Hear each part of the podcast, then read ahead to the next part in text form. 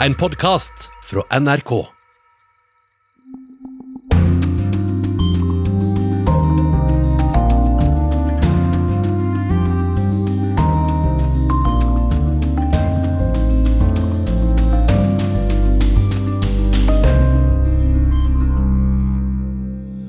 Russland er nå i gang med å produsere koronavaksiner, melder helseministeren i landet i dag. Kan vi stole på dem? Og hvis en koronabølge nummer to er på vei i Europa, er folk motivert for nye regler? Sommerens protester i Bulgaria startet med et uvanlig bilde. En sovende statsminister med pistol, eurosettler og gullbarer på nattbordet. Mange spådde at koronaviruset ville skape en katastrofe i Rios fattigkvartaler. Men det finnes lyspunkter. Det viktigste er befolkningens disiplin og samhold, og til nå har vi unngått den smittekatastrofen vi alle fryktet. I ukas korrespondentbrev tar Jan Espen Krusås 20 år tilbake til Kursk-ulykken. Og du skal få bli med dypt inn i Afrikas jungel med Tom Christiansen. Dette er Urix på lørdag, i studio Anja Strønen. Over 21 millioner mennesker har fått påvist koronasmitte, og over 750 000 er hittil døde. Flere land jobber på spreng med å utvikle en vaksine, og imens går debatten høyt i mange land om bruken av munnbind. Kollega Halva Sandberg, du følger utvikling tett. Kan du gi oss et bilde på situasjonen slik den er globalt nå? Akkurat nå så er vi på vei mot den dødeligste uken til nå i pandemien. Den om den kommer denne uken eller neste uke, det vet vi ikke, men vi er på vei dit. Det er USA, og det er India, og det er Brasil som er en slags tragisk trio på toppen av dødelighetsstatistikken, og har vært det lenge. India er det økende. Det er håp om at det skjer ting i Brasil, det er håp om at det skjer ting i USA. Og Europa. Og Europa, så om man skal kalle det en annen bølge, så er det i hvert fall smitten sprer seg igjen eh, i veldig mange av de landene som da hadde harde tak eh, tidlig. Men det er lyspunkter også i Europa. Det er land som greier å få kontroll igjen. Spania kan se sånn ut. Italia så er det økende, men det er fra et veldig lavt nivå. Uh, vi har Norge, vi har Sverige, vi har Finland, vi har Island. Vi har uh, Egentlig i alle land så har de forskjellige typer problemer. Du blir med oss videre, men for vi spør oss også er Europa klar for en bølge nummer to med korona, og det spørsmålet det stilte korrespondent Philip Lote til en atferdspsykolog. Han er på plass i Brussel, hvor de denne uken innførte påbud om munnbind. Munnbind gir god beskyttelse, og det er ikke vanskelig å leve med. Det er nødvendig, men det tok for lang tid før påbudet kom på plass, sier Emily Moreau.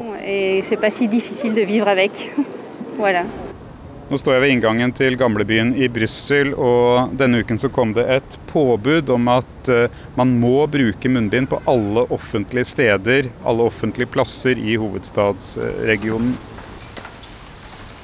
Det er høysommer og temperaturer godt over 30 grader.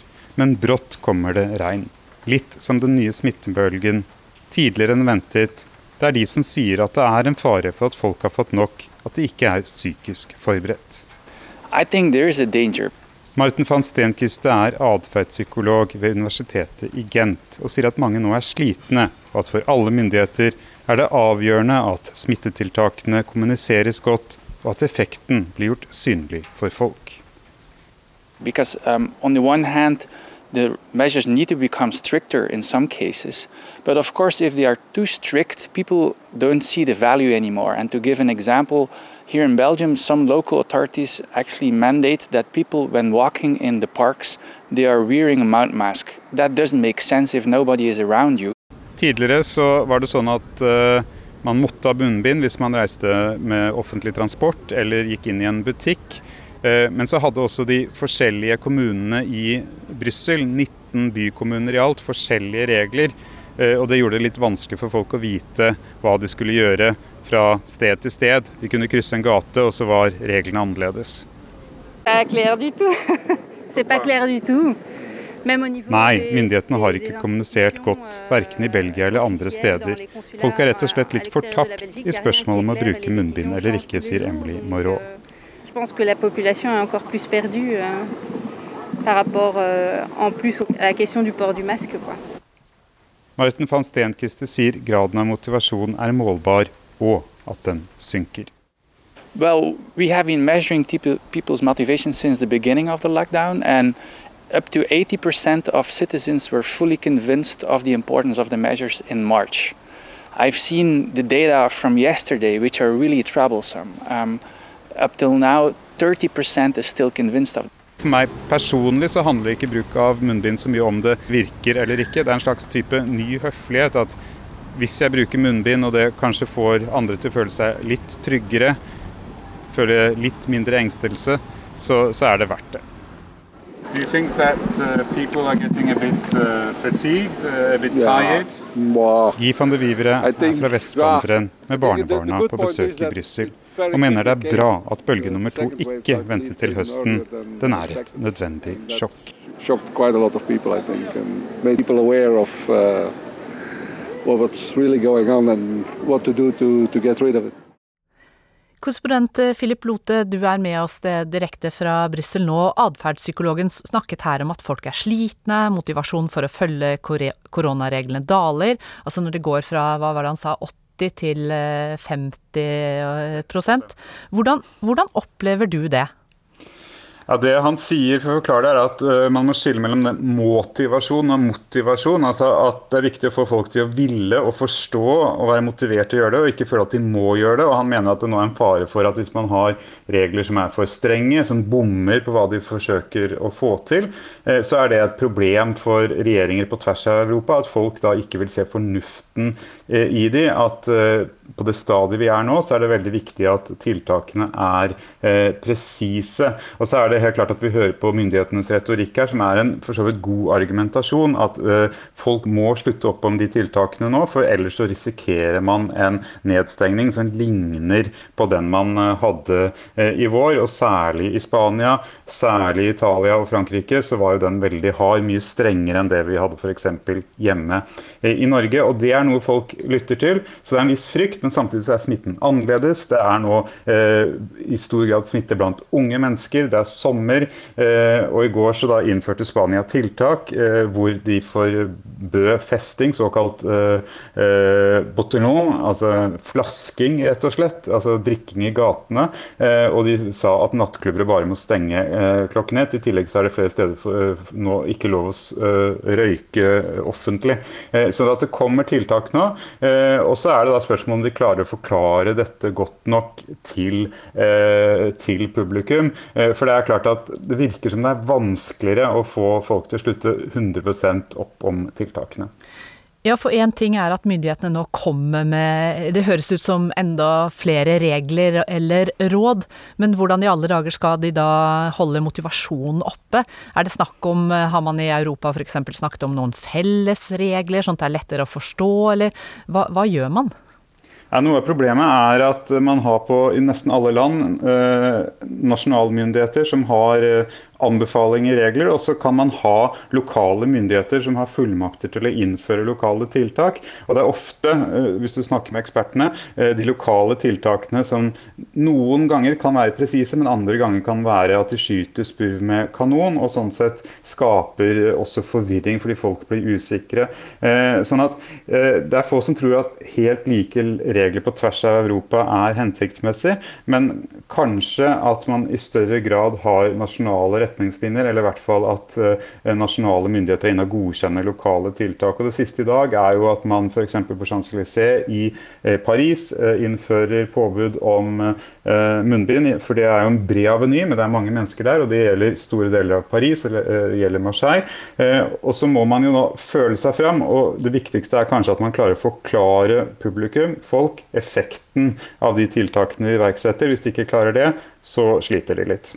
Takk skal du ha med oss fra Brussel, Philip Lote. Halvard Sandberg, du sitter fortsatt i studio her med meg, og alle venter jo da på en koronavaksine. At det skal bli redningen. Denne uken så lanserte Russland sin eh, vaksine, sa de. Eh, Putin sa til og med at eh, han har allerede gitt den til datteren sin. I dag sier helseministeren at nå er vi i gang med å, med å produsere disse vaksinene. Men siden de kom med denne nyheten eh, tidligere i uka, så, så ble det ikke sånn stor jubel rundt i verden. Det ble faktisk ganske stille, og så kom det noen reaksjoner. Hvorfor det? Ja, det ble i hvert fall ikke jubel. Det var heller en stor pekefinger mot uh, Putin og si at uh, hvorfor i alle verden uh, gjør du dette her? dette her er uforsvarlig. Det er usikkert. Det, det er brudd på internasjonale kutyme om hvordan du utvikler vaksine. Samtidig som det ble poengtert at hvert land kan bestemme selv hvis de har lyst til å ta i bruk det og det legemiddelet. Hovedproblemet er at den ikke er testet ut. Mm. Men hva er den russiske tankegangen hvis den ikke er ferdig utprøvd, da? Det er eh, sannsynligvis, og dette har jeg da fra andre enn meg selv, utvikling av det som kalles soft power, myk makt, og at det er et propagandafremstøt for visse deler av verden, som viser at Russland med denne Sputnik-øyeblikk nummer to er i føringen.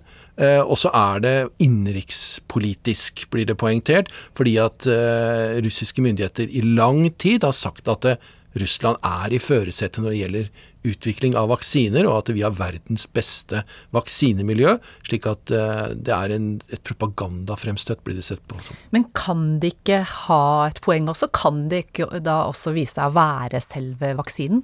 Jo, jo, jo. Det kan være selve vaksinen. Ja, det er det, men vi vet ikke. Og uten kontrollerte undersøkelser, uten undersøkelser hvor du kan uh, si helt klart at denne virker, for det første at den beskytter deg mot uh, viruset, og det andre at den er trygg, at du ikke har masse bivirkninger. Uh, uten det så, så, kan vi ikke vite. men det kan hende at den er det. Jeg snakket nettopp med en meget sentral kilde her i Norge om dette, og sier at ja, det kan jo være vaksinen som eh, Norge skal bruke. Vi, det er mulig, eh, men vi kan ikke vite uten at vi har god nok uttesting av det. Men eh, hvem er det Hvilket land er det egentlig som ligger i førersetet her? Hvor er det vi har sjans for å få en vaksine som vi kan stole på? Jeg vet ikke. Vet ikke. Det er mange, mange miljøer, uh, og det er mange forskjellige teknologier. Og hvilken som ender opp med å være vaksinen, eller gruppen med vaksiner, for det kommer nok flere, det er et stort, ukjent uh, spørsmål. Så vi må bare vente og se. Ja, i hvert fall til vårparten. Takk skal du ha, Halvard Sandberg.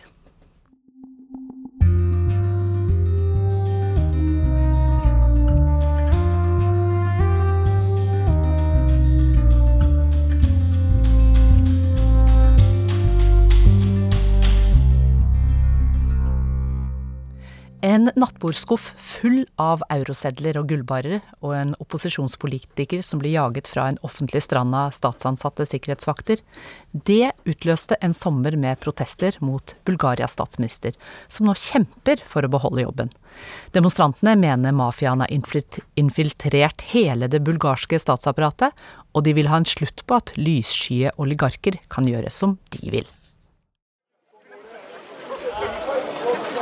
Den 7. juli gjorde en liten motorbåt strandhogg ved en villa på den bulgarske svartehavskysten. Om bord var Risto Ivanov, en tidligere justisminister som leder antikorrupsjonspartiet Ja Bulgaria.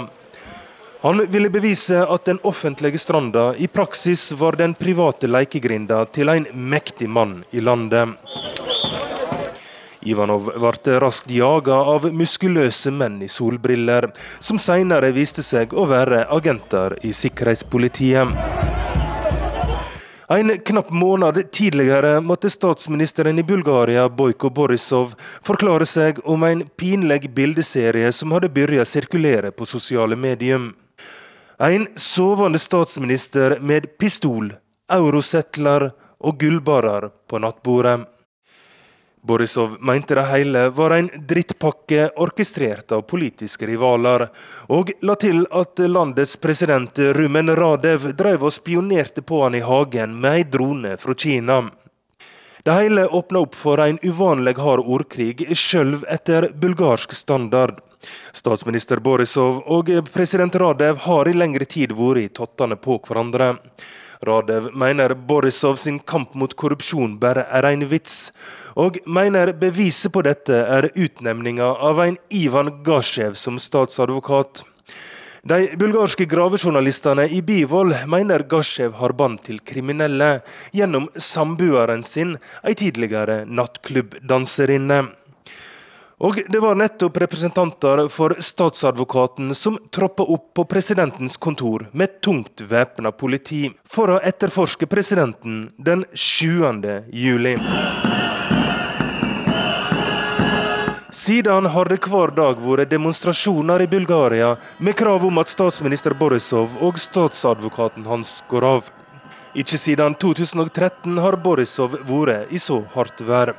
Men opposisjonspolitikeren som ble jaga fra stranda ved Svartehavet, mener det først og fremst er EU sin feil. Hvis EU ikke makter å garantere et minimum av en rettsstat i et land så svakt som Bulgaria, hva er da poenget sa han i et intervju med avisa Politico.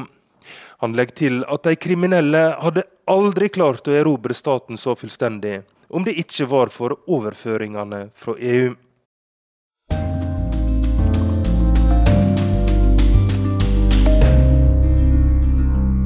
Roger Severin Bruland, og nå skal vi til Arn Stefansen i Brasil.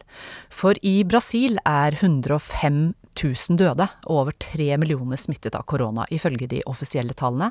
Men det finnes lyspunkter, for mange spådde at viruset vil skape en katastrofe i landets fattigkvartaler, favelaene. Men det har gått bedre enn fryktet. To hunder er lite glad for å se meg, og en diger rotte freser mot meg. Jeg er i Rosinha, Rio de Janeiros største favela. De mer enn 100 000 innbyggerne i Rosinha bor tett. De er fattige, lever under dårlige hygieniske forhold, og normale helsetjenester finnes ikke i favelaen. Da koronapandemien rammet Brasil i mars, var vi som lammet av frykt, sier firebarnsmoren Andrea da Silva. Eu tive depressão, né? Porque eu nunca passei por uma situação dessa. Jeg gikk inn i en depresjon. Jeg var redd for alt. For viruset, for at familien skulle sulte, for vold og uro som følge av pandemien. Jeg gikk inn i en mørk tunnel og trodde ikke at jeg noen gang ville komme ut av den, sier hun. Men Rosinias befolkning er vant til å kjempe for å overleve. Og smittsomme sykdommer var de vant med lenge før koronapandemien rammet. Vi vet at det viktigste er å stå sammen, og det har vært en enestående solidaritet under pandemien, sier lederen for beboerforeningen Valles Pereira til NRK.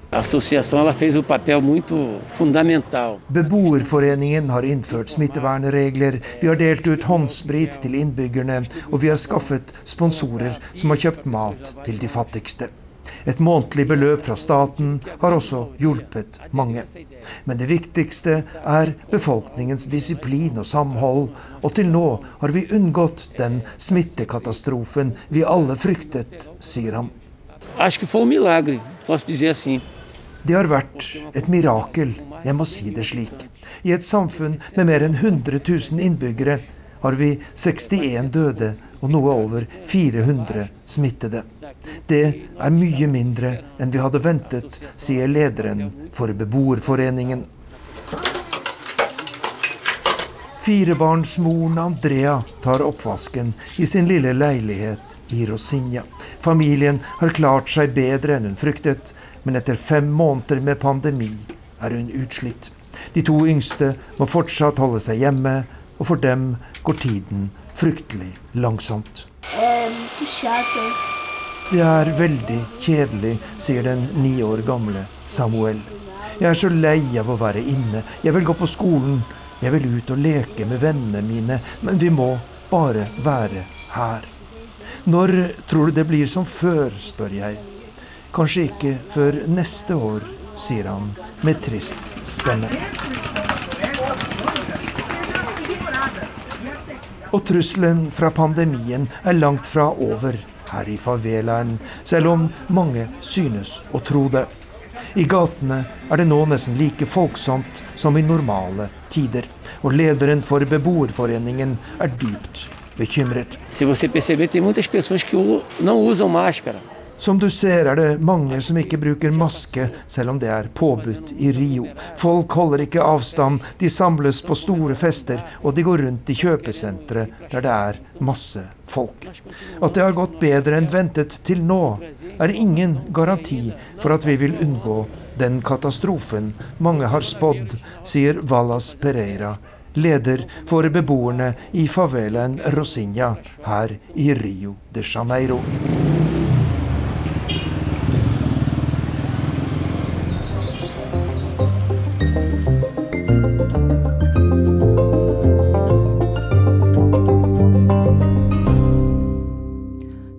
Mange arbeidsplasser verden over har slitt som følge av korona. En av dem er de tradisjonsrike geishaene i Japan.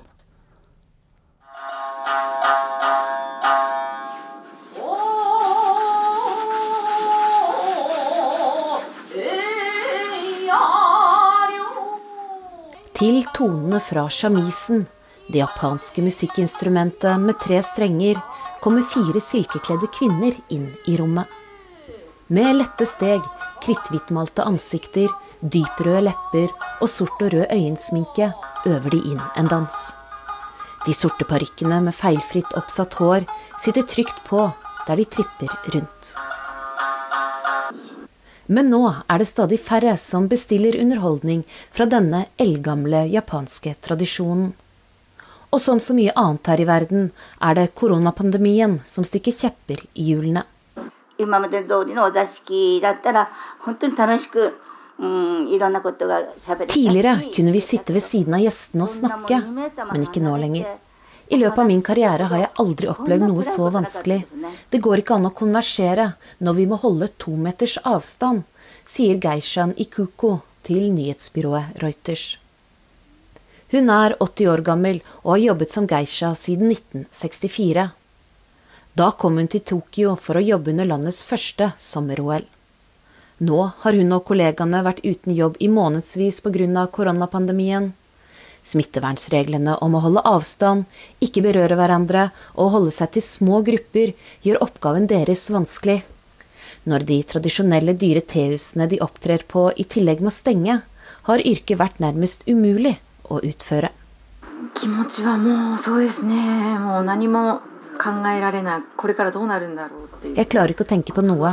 Jeg er full av uro med tanke på hvordan dette vil gå, sier den 47 år gamle geishaen Mayo. Geishaene er tradisjonelle japanske kunstnere og underholdere. I Vesten tror mange at de er prostituerte, men dette stemmer ikke. Derimot er de en del av kultureliten de er kunstnere som bruker seks år på å lære seg å synge, spille og danse. Blant mange ting må de f.eks. lære seg å helle te i en kopp på en elegant måte, uten at de store ermene på kimonoen får te på seg. De må også vite hvordan de skal konversere, og få mennene rundt seg til å ha det hyggelig. Tradisjonen startet med hoffnarrer, og de første geishaene var utelukkende menn. Nå derimot finnes det kun kvinnelige geishaer, og i Tokyo er det bare rundt 230 igjen av dem. 80 år gamle Ikoko er bekymret for tradisjonens fremtid. Når vi kan arbeide og bevege oss, har vi geishaer mye energi. Men uten festene er det helt umulig, sier hun. Og det er ikke bare kvinnene selv som påvirkes. En hel industri berøres. Sminkører, parykkmakere og de som syr kimonoene, sliter i disse tider. Men én ny ting har det kommet ut av det hele. Munnbind i silke som kler kimonoene.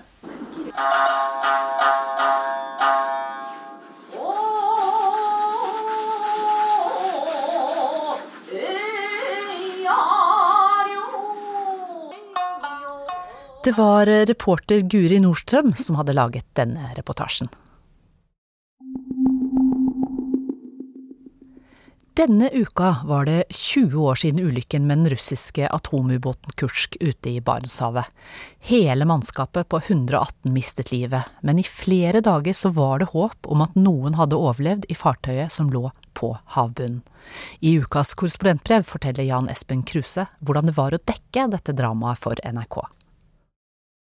Hvilke følelser tror du jeg har når jeg kommer hit? Mannen min er i ferd med å dø der ute, og staten kan ikke gjøre noe for å redde ham. Det sa en fortvilet kvinne jeg møtte i Murmansk i august 2000. Situasjonen var svært dramatisk. En av Russlands største og mest moderne ubåter hadde havarert. Kursk deltok i en russisk marineøvelse ute i Barentshavet. Den skulle sende øvingstorpedoer mot et annet fartøy. Men noe gikk veldig galt, og torpedoen eksploderte. Det brøt ut en brann som førte til at flere torpedoer detonerte. Den fremre delen av ubåten ble fullstendig ødelagt, og fartøyet sank og ble liggende på 100 meters dyp i Barentshavet, mer enn 100 km fra land. Eksplosjonene var så kraftige at de ble målt til 3,5, altså som et lite jordskjelv. To amerikanske ubåter og et norsk etterretningsfartøy fulgte marineøvelsen og registrerte eksplosjonene. Det var ganske klart at noe hadde gått galt. Til å begynne med hevdet Nordflåtens ledelse at de hadde kontroll over situasjonen, og at de ikke trengte noen form for hjelp fra vestlige land. Men etter kort tid innrømmet russerne at de ikke hadde utstyr som kunne redde mannskapet på ubåten. Og da ba de om hjelp. Ingen visste til å begynne med hvor mange som hadde overlevd på Kursk, men det ble registrert bankelyder fra vraket den første tiden. Etter hvert som det ble klart at marinen ikke var i stand til å redde mannskapet, uttrykte de pårørende sin fortvilelse og sin kritikk stadig sterkere. Mange var sjokkert over at russiske myndigheter sendte ut kjempestore ubåter uten å ha utstyr og mulighet til å redde dem i en kritisk situasjon. Og russiske medier videreformidlet kritikken og viste bilder av mannskapet på Kursk. Dramaet ute i Barentshavet ble dekket av mediene i de fleste land. Det ble mye spekulasjoner, for de russiske militære var ikke veldig villige til å dele informasjon. Vi forsøkte å spørre offiserer på gata i Murmansk, men svarene var ikke mye å bli klok av. Vi svarer ikke på slike provokatoriske spørsmål, dette er militære hemmeligheter, sa de, og fortet seg bort fra kamera og mikrofon. Hver dag skulle NRKs fotograf og jeg lage en TV-reportasje til Dagsrevyen. Det var ganske utfordrende, for det skjedde svært lite i Murmansk. De militære holdt hovedsakelig til i Nordflåtens hovedkvarter i nabobyen Severomorsk, og den var da som nå stengt for utlendinger. Hjemmebasen til Kursk lå et annet sted utenfor Murmansk, også den strengt hemmelig område. Og den russiske marinen innførte nesten en informasjonsblokade. Heldigvis hadde vi gode kontakter blant lokale russiske journalister, de skaffet oss nesten daglig bilder fra det som foregikk på militært område, sånn at vi kunne lage nyhetsinnslag. Det var stor spenning rundt hvor lang tid det ville ta for norske og britiske mannskaper å komme fram til ulykkesstedet mer enn 100 km ute i Barentshavet, og om de ville klare å åpne en nødluke inn til den bakerste delen av Kursk. Først etter om lag ti dager lyktes det, og det ble klart at det ikke fantes liv der inne. Senere ble det funnet lapper og små brev som mannskapet skrev til sine kjære da de forsto at de ikke hadde lenge igjen å leve. Det var 23 personer som trolig var i live om lag 20 timer etter eksplosjonene. Noen hadde stengt av atomreaktorene slik at det ikke ble kraftig radioaktiv forurensing i området. Flere norske dypvannsdykkere ble bedt om å være med på det som først så ut til å være en redningsaksjon. Jon Are Valby var ifølge Forsvarets forum en av de første som var nede på vraket av Kursk. Han forteller at han var bekymret for radioaktiv stråling, fordi han ikke visste om det var atomvåpen om bord, eller om atomreaktorene var skadet. Valby åpnet den bakre nødluka, og det ble raskt klart at ingen hadde overlevd. Den nye russiske presidenten, Vladimir Putin, hadde ikke styrt landet i så mange måneder da Kursk sank. Han var på ferie i Sotsji, og det tok flere dager før han reiste til Moskva og senere til Murmansk. Da han kom til Kolahalvøya, ble han møtt av pårørende som var rasende fordi det ikke hadde vært mulig å redde deres kjære. Den harde kritikken ble videreformidlet av russiske medier som den gang hadde mye større frihet enn nå. Etter dette begynte den russiske staten å ta kontrollen over de store TV-kanalene, og arbeidsforholdene for landets journalister ble gradvis annerledes. Det er nok riktig å si at denne utviklingen startet for fullt etter Kursk-ulykken. Den offisielle rapporten etter havariet viste at marinen hadde testet ut torpedoer med en ny type ustabilt drivstoff, og at det var dette som førte til den første eksplosjonen. På 1990-tallet fikk det russiske forsvaret svært lite ressurser, og også marinen var i en ganske sørgelig forfatning. Nå er situasjonen en helt annen. Den russiske staten satser masse penger på å utvikle det militære. Det bygges mange nye ubåter. Flere av dem har en redningsklokke som kan bringe mannskapet opp til overflaten dersom det skjer en ulykke. Det gjøres også mye for å hindre at det skal skje en ny tragedie, som i år 2000. Kursk ble bygget i 1992 og var i aktiv tjeneste fra 1994 og fram til ulykken. Vraket ble berget i to etapper i 2001 og 2002 og fraktet til Murmansk. Av mannskapet på 118 var det tre som ikke ble funnet. Ektefellene til de avdøde fikk en betydelig økonomisk erstatning etter russisk standard. Kursk-ulykken har også ført til internasjonalt samarbeid om ubåtredning. Nato-landene Storbritannia, Frankrike og Norge samarbeider om en redningsubåt som skal være på et ulykkessted innen 72 timer. Den kan operere helt ned til 600 meters dyp. Som utenriksjournalist har jeg vært med på å dekke mange konflikter og krisesituasjoner. Men Kursk-ulykken er for meg helt spesiell. Den er nærmest umulig å glemme. I flere dager var det et visst håp om å redde en del av mannskapet på 118, men så måtte både vi journalister, de pårørende og alle andre gradvis innse at det ikke var realistisk.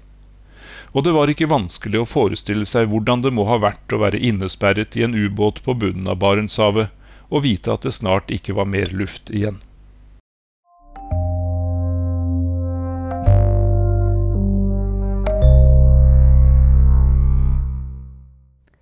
I sommerens siste afrikanske fortellinger fra Tom Christiansen så skal du få høre om hvordan en av verdens største oppdagelsesreisende, Henry M. Stanley, fant dr. Livingstone i Afrikas indre.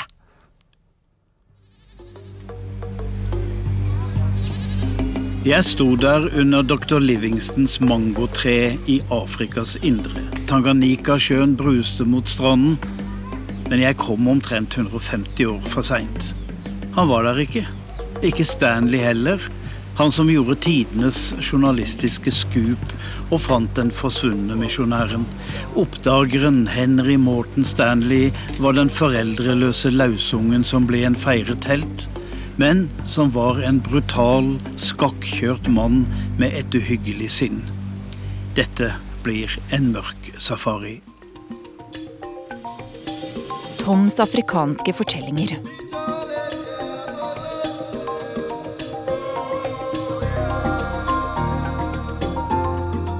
Jeg heter Tom Christiansen og har for NRK reist Afrika på kryss og tvers i 30 år. Der har jeg møtt visjonære, nyskapende politikere, men også restene av dem som på 1800-tallet ville overta hele kontinentet. Det er en slik historie jeg skal fortelle.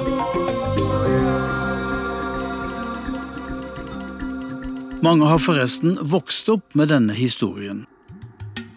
Dr. David Livingston var blitt borte i Afrika, og journalist Stanley dro for å finne ham, og fant ham. Hvordan var det mulig? Jeg bestemte meg for å ta turen selv. Jeg ville gå opp ruta og se hvordan det var.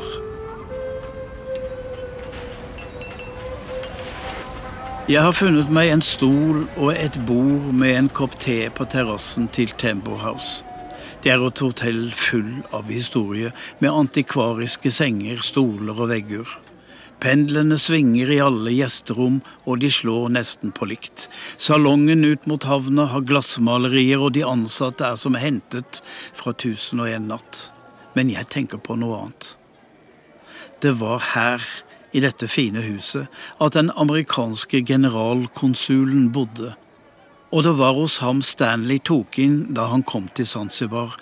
Jeg sover kanskje i hans seng. Det var bare den amerikanske konsulen som skulle få vite hans oppdrag.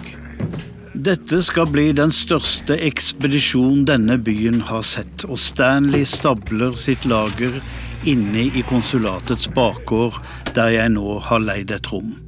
Han har kjøpt 28 km med tøyer i ulike kulører, som betaling for å passere de 13 stammene som skiller ham fra Tanganyikasjøen, pluss 4 km bomullsstoff og 15 km ubleka lerretstoff, 700 kg kobbertråd, 30 000 halsbånd i to digre sekker, likeså reip, tauverk, medisiner, kokekar, snører, hakker, nål og tråd, såpe, telt, seilduk, tjære, stearinlys, kaffe, te, sukker, mel, ris, sardiner, to sammenleggbare båter, 27 esler, to hester og for hans egen fornøyelse hengekøye, bjørneskinn, badekar, et persisk teppe, bestikk og tekane i sølv, to sølvbegre og ei flaske champagne, gjett til hvilken anledning. Av hensyn til navigasjonen tar han med sekstant, lommekompass og lanterne. Av hensyn til disiplinen tar han med pisk og kjetting. Av frykt for farlige dyr og ville mennesker pakker han ned 72 kasser krutt, 40 geværer pluss pistoler og revolvere, dolker, sverd, kampøkser og 24 slakterkniver. Av hensyn til sin egen åndelige berikelse, Bibelen og en bunke etter hvert gamle aviser. Alt i alt skal seks tonn utstyr bæres 1300 km, men av hvem? Lasten pakkes i bylter og kasser på 35 kilo hver. Han trenger 200 mann som vil ta turen, og dem skal han skaffe inne på land. Han har allerede hyret 20 speidere, dvs. Si trente folk som har gått turen før og overlevd, de kalles kapteiner og er hedersmenn på Zanzibar. Og så lastes alt i båtene, og han kan ta seg over til fastlandet.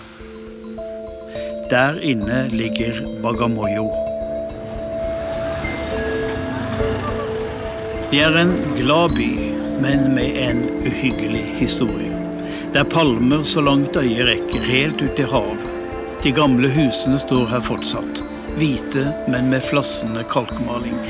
Ungene synger, hører jeg, fra skolebygningen som før var lager for varer til eller fra verden. Disse ungene er alle etterkommere etter frikjøpte slaver. De har altså en oldefar eller tippoldefar som en gang kom barbeint fra innlandet, der arabiske slavehandlere hadde sanket dem sammen for å sendes i fortapelsen. Noen av dem ble frikjøpt av misjonen da de kom hit, den siste så seint som på 70-tallet. Misjonsstasjonen, hvor ekspedisjonslederne hadde sin siste middag før de dro innover i landet, den står der fortsatt.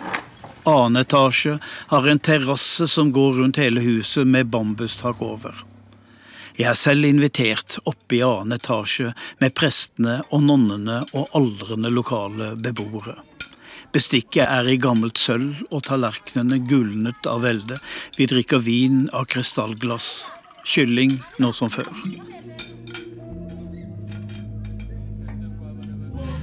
Stanley satt ved dette bordet i 1871. De andre fortalte historier om da de store britiske oppdagerne forlot Bagamoyo.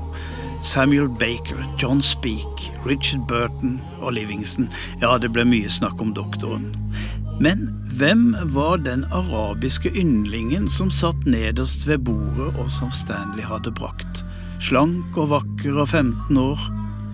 Det var en tenåring Stanley hadde fisket opp på en mellomlanding på Seychellene. Han var opprinnelig fra Jerusalem og skulle være oversetter og tjener, og kanskje selskapsgutt. Slavehuset står her fortsatt, men ingen bor i cellene der slavene ble stuet sammen. Utpå kvelden serveres det te.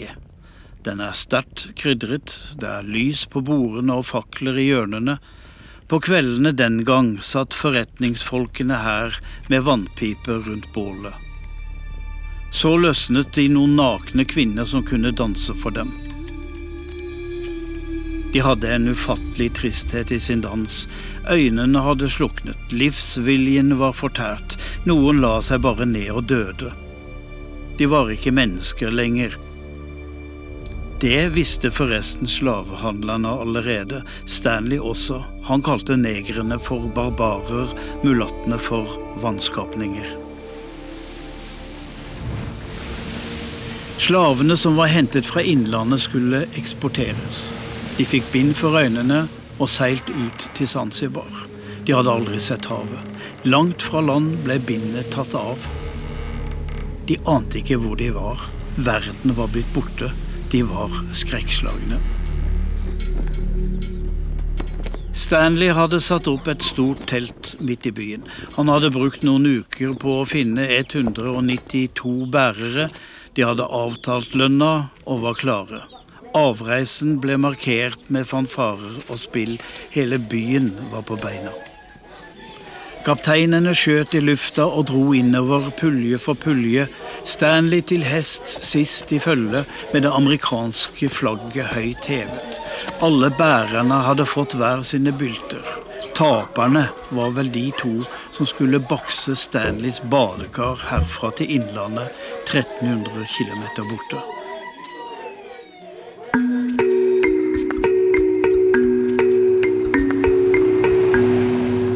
Jeg har gått denne veien selv, fra landsby til landsby. Det er blitt en ferdselsåre, og nå blekner mytene fra Stanley. Han skrev dramatiske brev, dagbøker og reportasjer om det mørke og farlige Afrika. Jeg har sett for meg tett og farlig jungel, fiendtlige og aggressive afrikanere. Men her er veien kranset av gule mimosatrær, og kvinner står i veikanten for å selge tomater, mais, kokte egg og en cola. Høner løper over veien, unger strømmer til. Vi går under skyggefulle trær nå. Det hjelper i heten.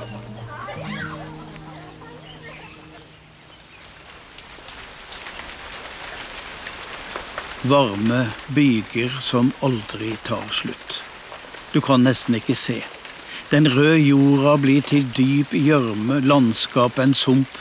Stien forsvinner, bekker blir til elver, og alt er vått. Seks tonn, 200 mann som strever. Bærerne klager og stønner, noen gråter over hjem. Han har ikke hørt på råd fra kjentfolk om at hester ikke har noe i Afrikas innland å gjøre. Den ene døde, og deretter den andre.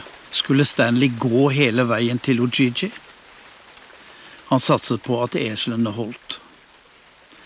Stanley har tatt med kinin mot malaria, men tar den ikke. Det smaker bittert. Nå går de i fuktige områder hvor myggen stikker og suger og sprer sin malaria. Stanley skryter av at han lar fluene bite. Men vet han ikke at dette er malariamygg, og dertil tsetse-fluer som gir sovesyke? Nei, han vet ikke det heller.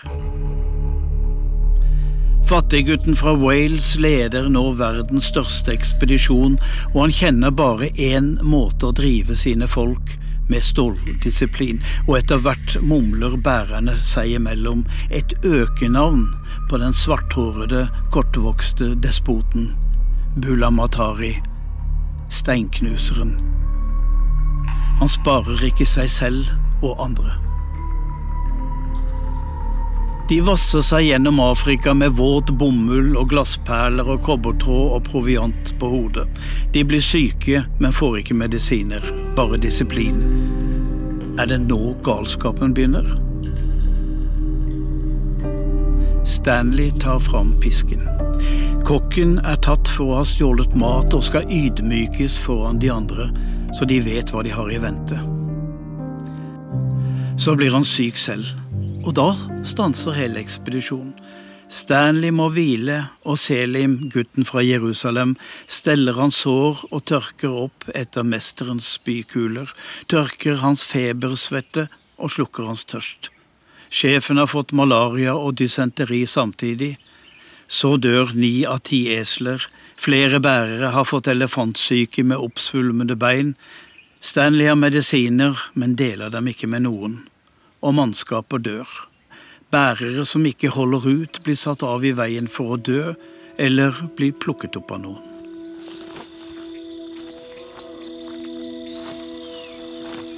De bærer sukker i sekkevis, men hvorfor sanker de ikke heller honning underveis?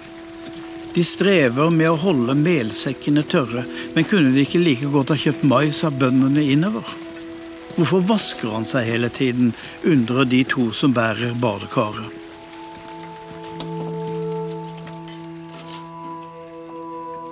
Målet nå er å komme til Tabora. Det er halvveis til målet, en by for arabiske forretningsfolk. De disket opp ved sine lave bord.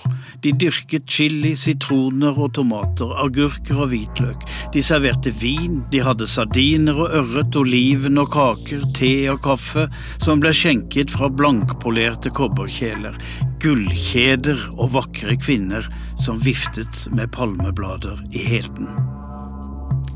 Her får han vite at det er sett en hvit mann i Ojiji. Han var gammel med hvitt skjegg og hadde problemer med den ene armen. Det kunne stemme, Livingston ble en gang bitt av en løve. En høvding visste enda hva han het, Daoud Falastin. I huset til Livingston sto hans skrivebord. Det er der jeg sitter og blar i en medbrakt bok, dagboka til Stanley. Han forteller at han var klar til å dra videre da araberne kom og sa Du kan ikke reise. Kong Mirambo kommer til å slakte dere, han er vår fiende, vi er i krig. Vi skal slå ham, og araberne foreslår. Kan du ikke like godt bli med i den krigen, du har jo menn under våpen? Og dermed melder The New York Herald seg på i en afrikansk stammekrig. Det har ingen avis gjort før, og nå går han lenger. Han skriver det selv i den dagboka jeg leser. De brente landsbyer, vil si, de stuet familiene inn i de runde leirehyttene, sperret utgangen og satte fyr på stråtaket.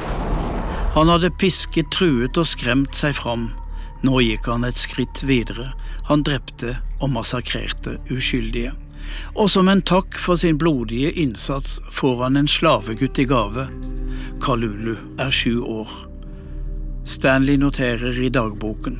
Kalulu, denne unge antilope, han er spretten og kåt. Jeg har ikke før uttrykt et ønske før det er innfridd. Han er livlig og herlig svart. Stanley har bare 60 mann igjen, resten har rømt. Med største forsiktighet beveger de seg videre, de går bare om natten.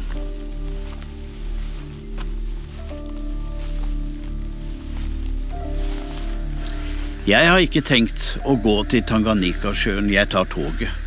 Det sto pesende på stasjonen i Dar es Salaam mens kvinner i sine blomstrete kjoler med kofferten på hodet entra dørene så dampet vi mot Afrikas indre. Først sakte gjennom drabantbyer med blokker, mindre blokker, store hus, små hus og til slutt jordhytter.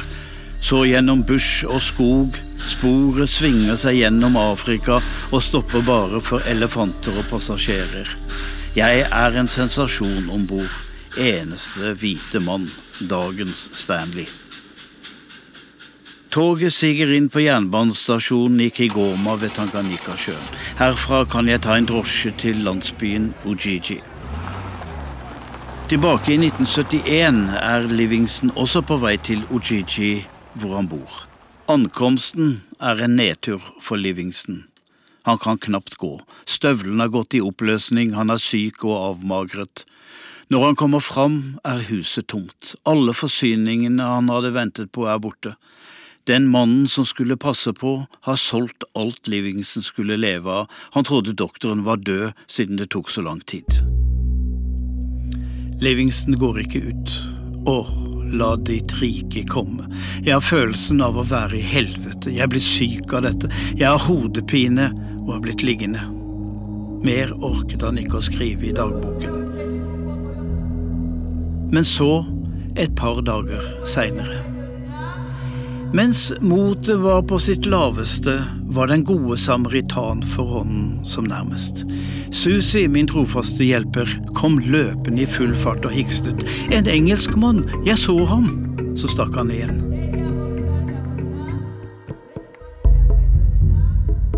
Stanley står oppe på en høyde og kan se ned til Ojiji og Tanganyikasjøen.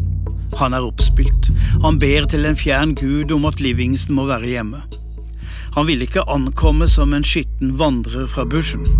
Kalulu og Selim har pusset hans støvler og har lagt fram rent tøy.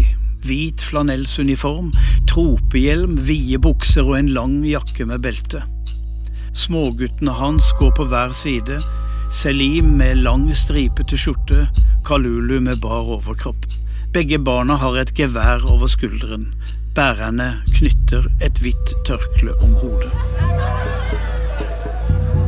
I flokken merker Stanley seg en unggutt som er mer opphisset enn de andre, og i larmen hører han at gutten snakker engelsk. How do you do, sir? Hvem pokker er du? Sushi, svarer han. Dr. Livingsons tjener. Hva? Er, er Livingson her? Yes, sir. Er du sikker? Yes, sir. I just saw him now, now. Da ser han det selv. Den gamle, grå mannen på 1,90. Han står på markedsplassen i enden av alleen. Det blir en åpning i kaoset, og karavanen stanser. Bærerne setter fra seg det de har på hodet. Bare Kalulu og Selim beholder geværene på skulderen. Der står Livingston. Med blå konsullue prydet med en gullsnor. Han har tweedbukser som en gang har vært lyse, og en rød ulljakke. Han står i utslitte lakksko. Ingen sier noe. Folk er tyst. Bare skvulpet fra sjøen høres. Hva skal han si? Han må være forsiktig med en folkesky engelskmann i bushen. Stanley tar et skritt fram, løfter på tropehjelmen, og så sier han det. Dr. Livingston, I presume? Yes, sir, er svaret. Livingston studerer det fantastiske reisefølget, og så sprekker ansiktet i et smil. Stanley blir pompøs. Jeg takker Gud, doktor, for å ha funnet dem. Takk det samme, svarer Livingston. Stanley bukker for araberne som er kommet til, Jumbo Jumbo, og Livingston presenterer dem. Jumbo Mwana, så sier han, jeg tror vi går ned til huset, solen er varm. De skrev seg inn i historien denne novemberdagen i 1871. De setter seg i skyggen, og så får Livingston se utstyret. Badekaret gjør inntrykk, ei svær steikepanne det samme. Kasser på kasser bæres fram, og så husker han det. Champagnen! Kalulu henter de to sølvbegrene og flaska, og så var det veska med brever og aviser. Livingston kikker på sin post. Hva skal han åpne først? Nei, det får bli til seinere. For nå har guttene dekket bord med rød duk, og det er klart for bordbønn. Livingsons kokke har laget til et overveldende måltid av all maten Stanley har brakt. Hva snakket de om? Stanley kunne ikke huske noe. Journalisten har fått sitt skup, men glemmer å notere. Han har forresten også glemt å presentere seg og sin avis. The New York Herald det er da ei møkkaavis, sier Livingston, og Stanley sier ingenting. Hva har hendt i verden? spør misjonæren. Han har ikke hørt nytt på tusen dager. Jo, Suezkanalen er åpnet, Stanley var der selv. Jernbanen over den amerikanske prærien er kommet fram til Stillehavet. Og den transatlantiske telefonkabel er åpnet. I flere dager spiste de store måltider, og Livingston ble bedre. Han spør om ikke Stanley kan bli med på en båttur. De setter seg om bord og blir rodd oppover sjøen av menn fra landsbyen. Livingston leter etter Nilens kilder, men finner den ikke i dag heller. Hva tenker egentlig Stanley på? Han har et skup og bør komme seg raskest mulig til kysten. Men han tar seg tid, tre måneder, og vennskapet mellom disse to vokser. Livingston savner en sønn som døde i den amerikanske borgerkrigen. Stanley har aldri hatt en far, og her sitter de med 20 års aldersforskjell, Det er far og sønn. Og så kommer tiden for oppbrudd. Livingston kan ikke gi slipp på ham, og følger karavanen halvveis til kysten. De skal aldri mer møtes.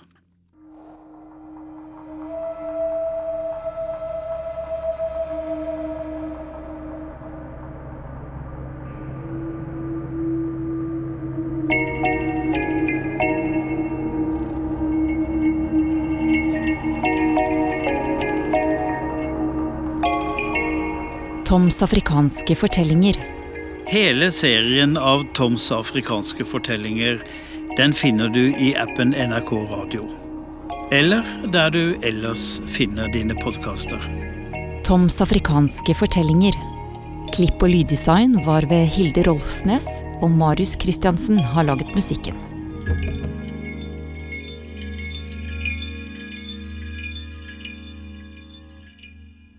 Urix på lørdag nærmer seg slutten, men eh, vi tar med at i Danmark så har statsminister Mette Fredriksen i dag annonsert at munnbind blir påbudt på all offentlig transport. Påbudene gjelder fra 22.8 og gjelder hele landet og hele døgnet. Med det legger Danmark seg på en strengere linje enn Norge, der munnbind bare er anbefalt i enkelte områder. Teknisk ansvarlig for denne sendingen var Lisbeth Sellereite, produsent Idun Lavik, i studio Anja Strøm.